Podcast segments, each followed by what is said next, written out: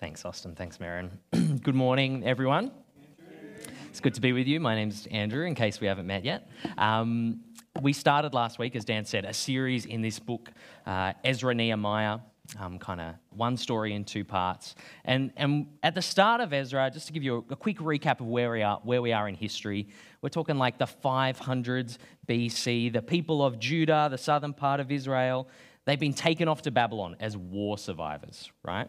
And a few generations after the trauma of their homeland, Jerusalem, having its walls smashed apart and the temple burned to the ground, this truly momentous moment, miraculously, a new king, Cyrus, is used by God to return the people to Jerusalem so that God can rebuild those people in his place. Now, some people uh, reading this part of Ezra 3 with a kind of skeptical frame of mind think, might think, gee, is that, is that really what happened in history? You really expect me to believe that Cyrus becomes the king of Babylon, and then the first thing he does is he takes all of the laborers in his city and he just sends them off home so they can go worship their own gods? Doesn't seem like a very wise policy to me. Um, take a look at this. Um, here's one of the coolest archaeological finds we've ever found. It's, it's a thing called the Cyrus cylinder. It looks like a, it's, it's about this big. It's like a big cob of corn, right?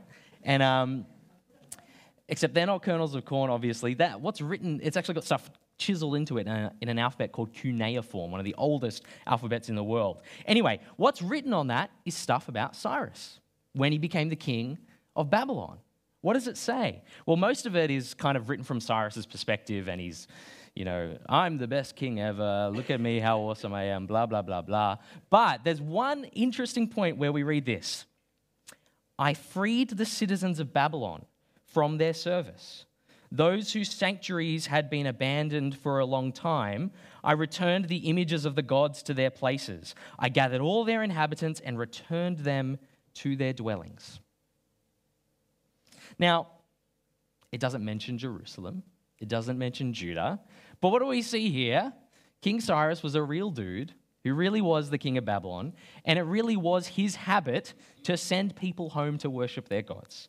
And, and I want to point that out partly because it's just interesting archaeology, right? It, uh, in one way, affirms the story of the Bible. But when we read Ezra, we are not reading a fairy tale. We are reading events that happened in history. This is our family history. I've got another picture for you. Take a look at this one. Here's a picture of a restaurant. Um, may not look particularly remarkable to you, this photograph. I mean, the architecture is kind of interesting, but there's nothing all that interesting about this restaurant photo. Here's that same place, that same restaurant, just a couple of years earlier. This is a photo of a restaurant in Syria. Now, the significance of that first photo you saw, it changes when you see what that place looked like just a few years earlier doesn't it? Suddenly there's a story of rebuilding that's taken place here. And it changes further when you see a picture like this, which is just a few blocks away from that restaurant, a photo taken at the same time as the rebuilt restaurant. And two years earlier, we see photos like this of people in a nearby suburb fleeing their homes. These images from Syria, they're actually very reminiscent of the story in Ezra. A city is destroyed by an army, the people flee as refugees, and then later there is an effort to rebuild. And in Ezra 3, the rebuilding begins. There's a guy called Pete Adams. He's a, a vicar down in Melbourne at St. Jude's Carlton. He was the principal of a Bible college down there. He says about the chapter of the Bible we just read, Ezra 3, he says this This chapter always brings me to the point of tears. Now, when we read it out, it might have seemed kind of like a pretty plain retelling of a building project that's going on here. What's, what's the big deal about Ezra chapter 3? Well, Ezra 3 is about the beauty of a relationship being unshattered. The beauty of an unshattered relationship. You see, knowing about the history that sits behind something, the history of hurt, can change our perception of a relationship from something bland to something breathtaking. And if we understand the painful past of God's people, then Ezra 3 will stir our hearts. Take a look. Hopefully, you've got your Bibles open there at Ezra chapter 3. Take a look at verse 2. I've got it up on the screen as well. What was the first thing they rebuilt? So they get back to Judah, they get back to Jerusalem, and what is the first thing the people build? It is the altar, isn't it? The first project is get that altar built. Why is it so important to get that done? Well, they need to build the altar because there is no restoration without forgiveness. There cannot be restoration in a relationship without forgiveness. They can't be restored as God's people if they aren't first forgiven. And forgiveness is precisely what the altar does. The altar is where sacrifices were offered. So, when the altar's finished, they, are, they then get to work on the temple. And uh, verse 7 through to the end is about the temple foundation being built. The altar was about forgiveness, and the temple was about God's presence.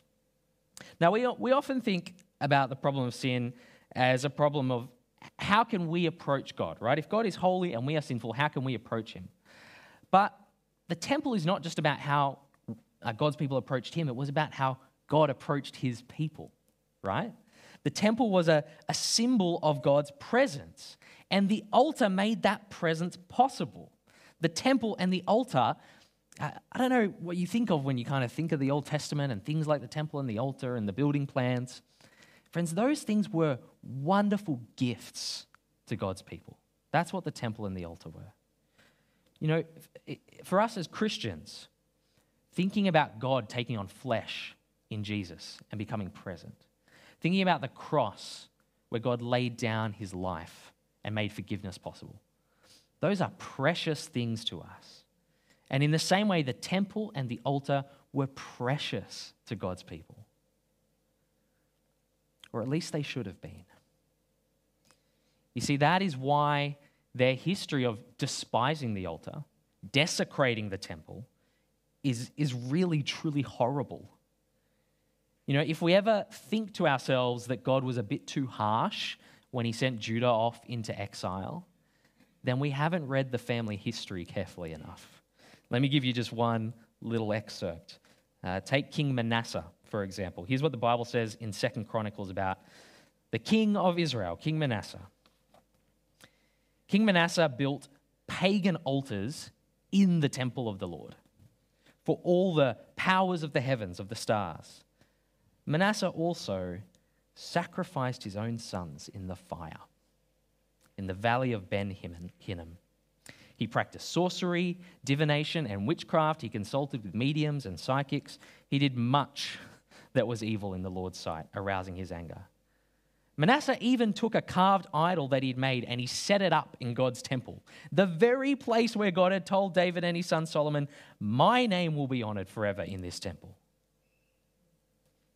Elsewhere, the prophet Jeremiah, just before this exile comes, he's warning the people about it. He talks about how they've mistreated the temple. He puts it like this don't be fooled into thinking that you will never suffer because the temple is here.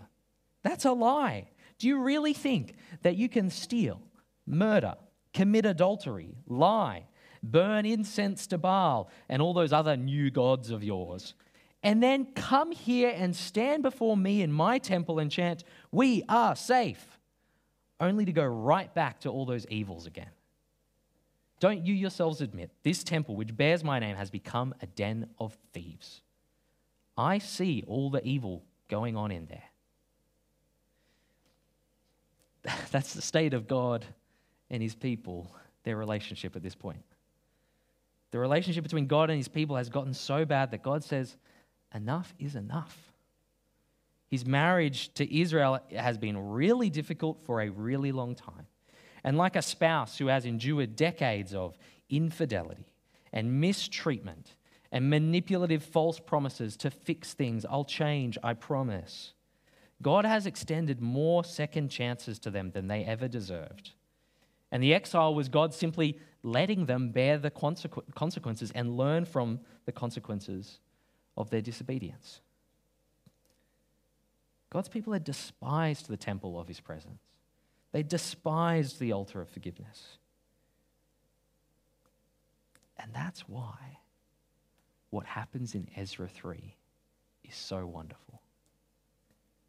This second temple, this second chance. Is so wonderful and moving that God would bring these people back to rebuild that altar and that temple, to restore the shattered relationship. God is going to live among his people again. He's going to provide a way for their sins to be forgiven. Hallelujah. That's what's happening in Ezra 3. The rebuilding is beautiful, friends, because it is the unshattering of a broken relationship. These two men that you see here in this picture, uh, this is a photo of a guy called Andrew Collins and Jameel McGee. Um, again, not a particularly remarkable photo when you see it uh, as it is. Uh, these two guys work at a coffee shop in Minnesota. It doesn't look that remarkable, except before Jameel got his job at this cafe, he was uh, in prison. He was in jail. Uh, he'd spent four years in jail for a crime which he did not commit. And the sole reason that Jameel ended up in jail for that crime was because a police officer had deliberately falsified evidence to frame Jameel as a drug dealer. Now, that cop eventually uh, admitted to his crimes, that he'd lied, um, and he himself went to jail for just over a year. Jameel said that when he got out of jail, he was so angry, quote, my only goal was to seek out that cop and hurt him. Well, Jameel eventually met that cop. You see, a little after he got out of jail, he enrolled in a job finding program through a local church, and he was assigned a job at a cafe. And when he turned up for work, his manager was the cop, Andrew Collins, who had framed him. Jameel said he felt like the only thing that compelled him to stay was his Christian faith, was the gospel, was knowing that he'd been forgiven by God. And he offered forgiveness to that man who had taken away his freedom. Uh, long story short, Andrew apologized, and the, the two of them became very, very good friends. And Andrew says he remembers the day, well, remembers his response on the day when Jameel told him that he loved him as a brother. I just started weeping because he doesn't owe me that, and I don't deserve that. God didn't owe Israel a second chance, not at all. They didn't deserve it. This is the beauty of a relationship that is being unbroken. Now, friends, when the New Testament talks about this, talks about Israel's mistakes in the past, it does apply it to us. These stories are not just some story in the past. The New Testament says they're warnings for you. That's their function for you. The danger of despising God's presence or despising God's forgiveness is just as real for us as it was for Judah. Here's how Hebrews puts it these are stark words. For there is no longer any sacrifice that will take away sins if we purposely go on sinning after the truth has been made known to us. Instead, all that is left is to wait in fear for the coming judgment and the fierce fire which will destroy those who oppose God. Anyone who disobeys the law of Moses was punished without any mercy when judged guilty on the evidence of two or more witnesses. What then of those who despise the Son of God, who treat as a cheap thing the blood of God's covenant which purified them from sin, who insult the Spirit of grace? Just think how much worse is that punishment. It is a terrifying thing to fall into the hands of the living God. Now, friends, it, the reality is everyone, everyone falls into the hands of the living God. The question is will you fall into those hands willingly now, before that judgment comes? in which case you will find those same hands are strong and comforting protection. They are hands that gently guide, hands that carry tired bodies and soothe troubled minds. Like a small, scared child for whom the safest place in the whole world is their father's arms. Those are hands that are stretched out to save.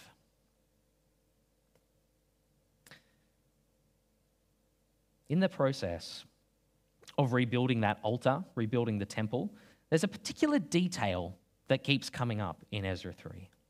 It's there in verse 2. We're told they began to build the altar in accordance with what is written in the law.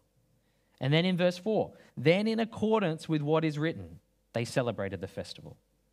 And in a similar way, in verses 8 and the next few verses, we read things like this The priests and the Levites began the work. They appointed Levites to supervise the families of Joshua and Kadmiel and Henadad, who, by the way, we're told, were all Levites joined in supervising. What's going on here? The people want to do things by the book. They do not want there to be any compromises this time around. You see, it keeps mentioning that those in charge were Levites to show that they were doing this building under appropriate, studied supervision. This was not some janky, oh, I reckon we should stick a pool out the back of the temple this time. The old one didn't have one. I think that'd be nice, right? We got the chance to renovate. Why don't we do some upgrades here or there, right? This was not designed by a committee, this was designed by God. Compromise was the poison that had killed their relationship between Israel and God half hearted listening to God's instructions had caused disaster. And as the rhythms of their worship return, verse 3, the sacrifices, verse 4, the celebrations, the festivals, the parties of their worship with God, verse 5, smaller monthly celebrations, and then the slow and steady crafting of the temple, that the whole time they are deliberately, consciously putting God's instructions front and center so that those mistakes of the past are not repeated. They do not want to let the virus of compromise get in and spread and infect the system this time. Even when they're scared, in verse 3. Imagine being in this kind of rubble of a city with other small nations in a similar situation to you bandits, raiders, that kind of vibe. Amongst that fear, they do not compromise. Our faith can so easily be compromised, can't it? I, yes, I'll obey God in X, I'll obey God in Y. I'm not so sure about Z. That's a little too far for me. Resist the temptation to compromise. It's the lesson of Ezra 3. Now, the chapter ends with a very highly emotional scene, doesn't it? There is a ceremony as the foundation is laid and there's trumpets and there's cymbals and there's singing. It is this massively noisy event. Think back to the 2010 FIFA World Cup when we all learnt about the word vuvuzela, right? You remember? I'd never heard, none of us had ever heard of a vuvuzela before then.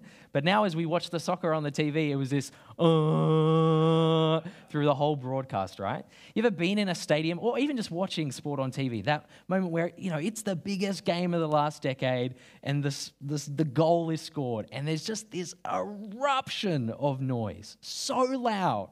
That's the vibe here.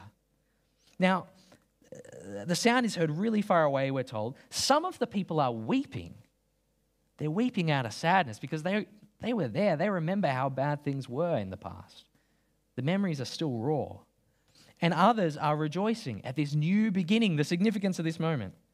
And as Christians, we know that mixture of emotion, don't we? Of extreme joy at times and extreme sorrow at times. Joy in God's grace and his relentless forgiveness of us but also sorrow about our sin. You see, even though God doesn't hold our sins against us, we still live with their consequences. Our sin affects us and it hurts others, and, and we live with that. Now, despite the mixed emotion, they all join together in a song at one point. It is the same song that they sung when the first temple was built. Verse 11 with praise and thanksgiving, they sang to the Lord, He is good. His love toward Israel endures forever. God has been so good to them, hasn't He? His love has endured a lot.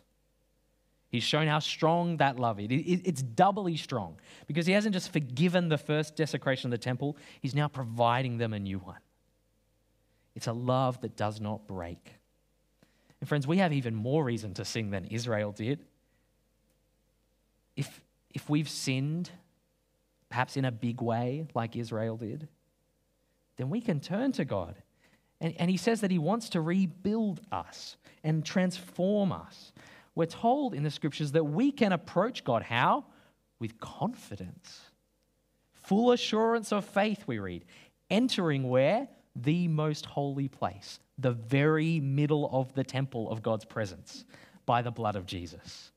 There we find free forgiveness, we find free grace, we find the embracing love of God and the atoning sacrifice of Christ for our sins. Just like the prodigal son, the father is there with his arms wide open for those who want to return home and rebuild.